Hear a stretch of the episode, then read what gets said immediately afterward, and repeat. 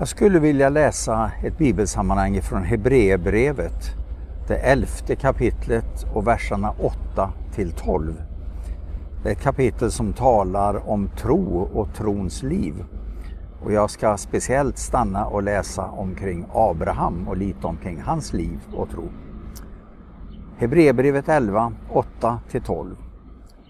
I tro lydde Abraham när han blev kallad. Han drog bort till ett land som skulle bli hans och han drog bort utan att veta vart han skulle komma. I tro slog han sig ner i det utlovade landet som i ett främmande land och bodde i ett tält liksom Isak och Jakob som hade fått del i samma löfte. Ty han väntade på den stad med fast grund som Gud själv har planlagt och byggt. I tro fick han kraft att avla en son fast han, liksom Sara, var överårig.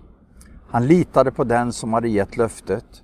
Därför gick, fick han, denne ende man som dessutom var så gott som död, en avkomma talrik som stjärnorna på himlen och de oräkneliga sandkornen på havsstranden.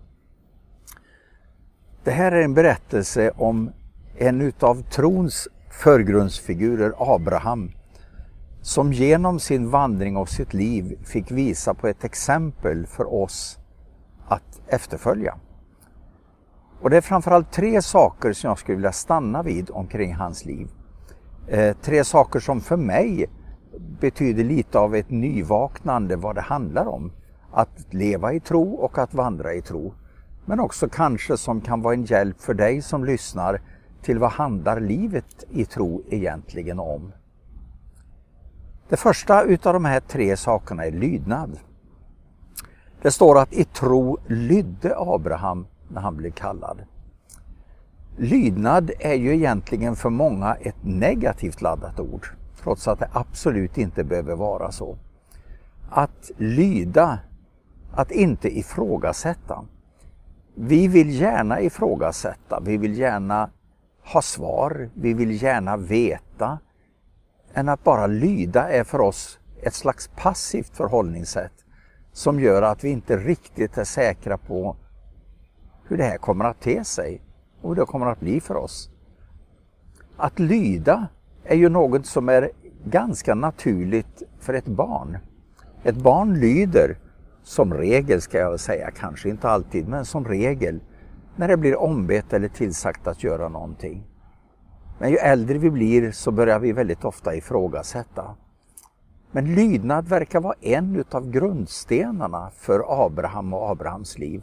Han lydde fast han inte visste vart det skulle föra honom. Han lydde när han blev kallad. Den andra delen av det här handlar om mod. Att ha mod är ju någonting som faktiskt Abraham på ett väldigt tydligt sätt visar var en del av hans karaktär. Det står ju att han drog bort till ett land som skulle bli hans och han drog bort utan att veta vart han skulle komma.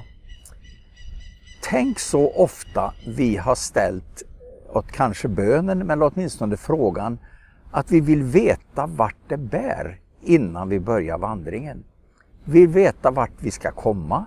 Vi vill veta gärna också hur lång tid det ska ta. Men vi vill absolut vara säkra på destinationen eller målet om vi ska tycka att det vara värt att påbörja en vandring. Men i Abrahams liv så började han en vandring fastän han inte visste vart den skulle leda honom. Han gick i tro, han gick i lydnad utan att veta vart han var på väg.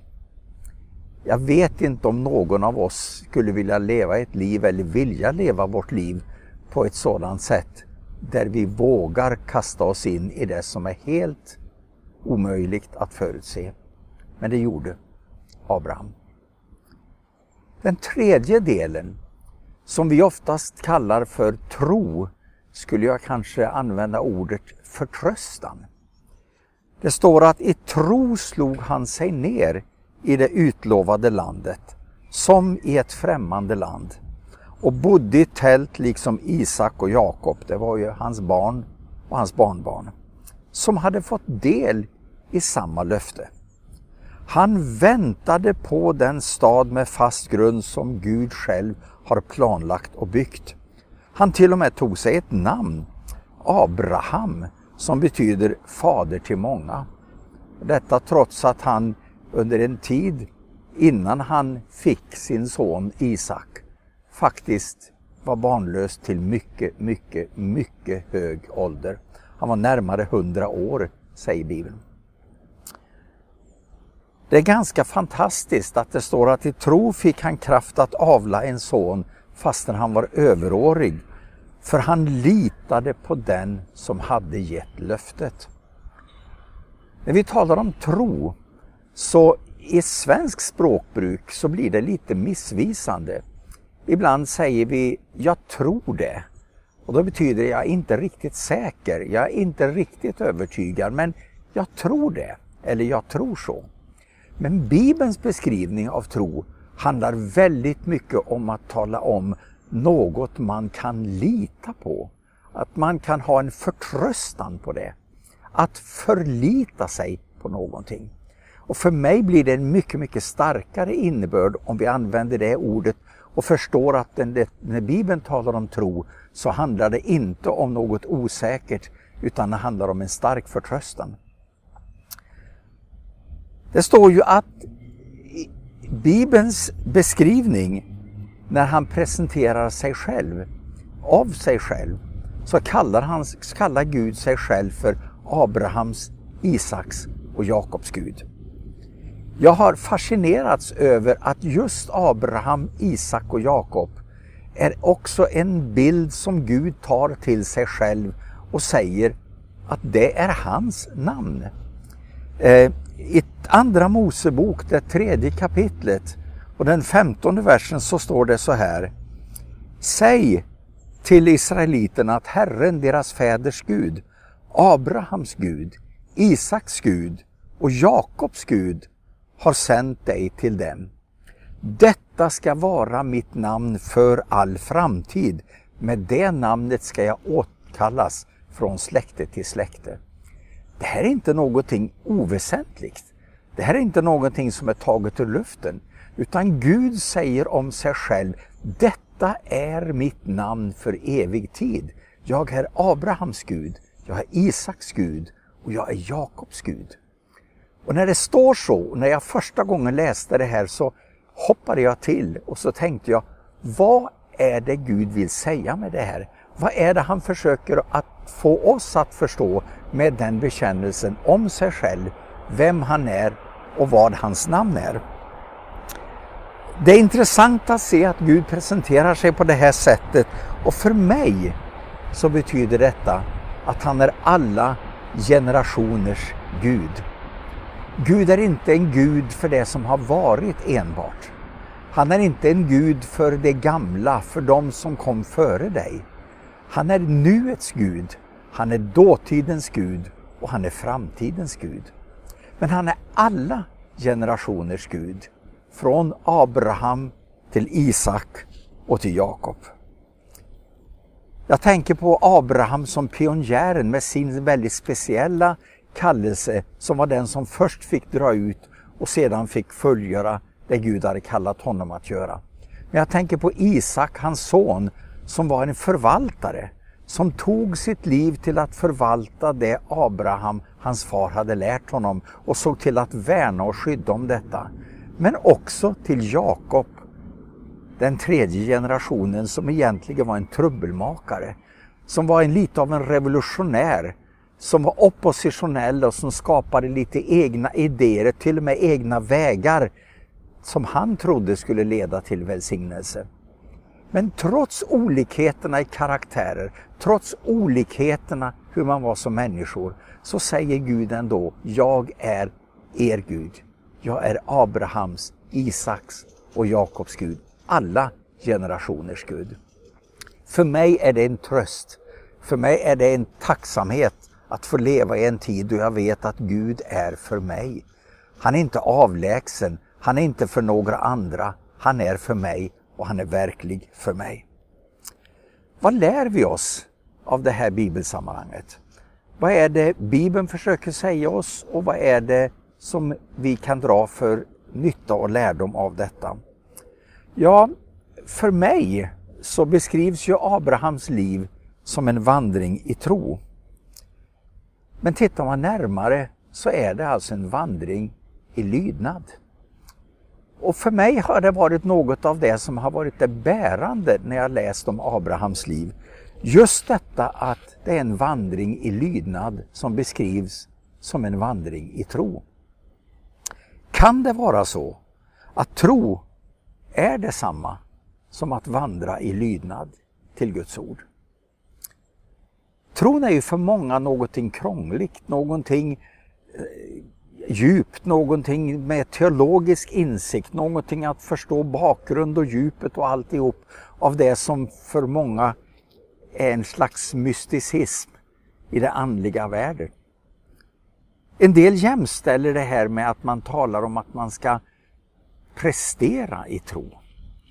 Du kan träna din tro som du tränar en muskel, har jag fått höra vid flera tillfällen.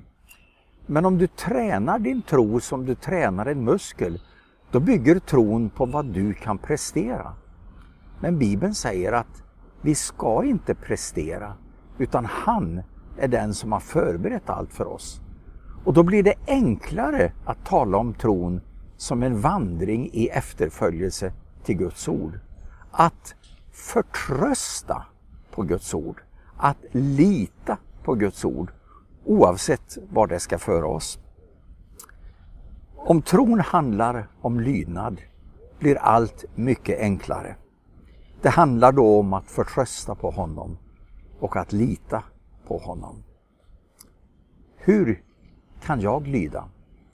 Hur kan du lyda? Mitt svar är genom att följa hans ord. Du behöver inte krångla till det eller göra det till någonting där du ska prestera och åstadkomma något. Utan du kan faktiskt få förlita dig på att han har förberett allt. Och du får vandra i efterföljelse, i förtröstan och i litande på att det bär. Gud välsigne dig. Låt oss be tillsammans. Herre, jag vill tacka dig för att du är med den som lyssnat till ditt ord och den som tar del av ditt ord nedskrivet för oss till efterföljelse, till eftertanke och till lydnad. Herre, tack för Abrahams liv. Tack för hans vittnesbörd att vandra till det okända och mot det okända. Men att ändå göra det litande på att du var med och du skulle visa vart det bar och till, vilken, till vilket syfte det skulle vara. Tack att vi får se på hans lydnad, hans mod och hans förtröstan i att följa och leva efter dig. Och tack att det får vara riktmärken för oss i våra liv. Att det också får vara ett liv i lydnad, i mod och i förtröstan och litande på dig och på ditt ord. Tack att du möter oss och tack att du välsignar oss. Och tack att du möter den som lyssnar till ditt ord. Vi ber i Jesu namn. Amen.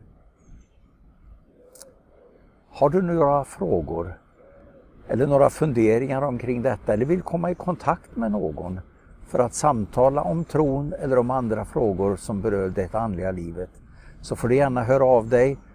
Gud välsigne dig.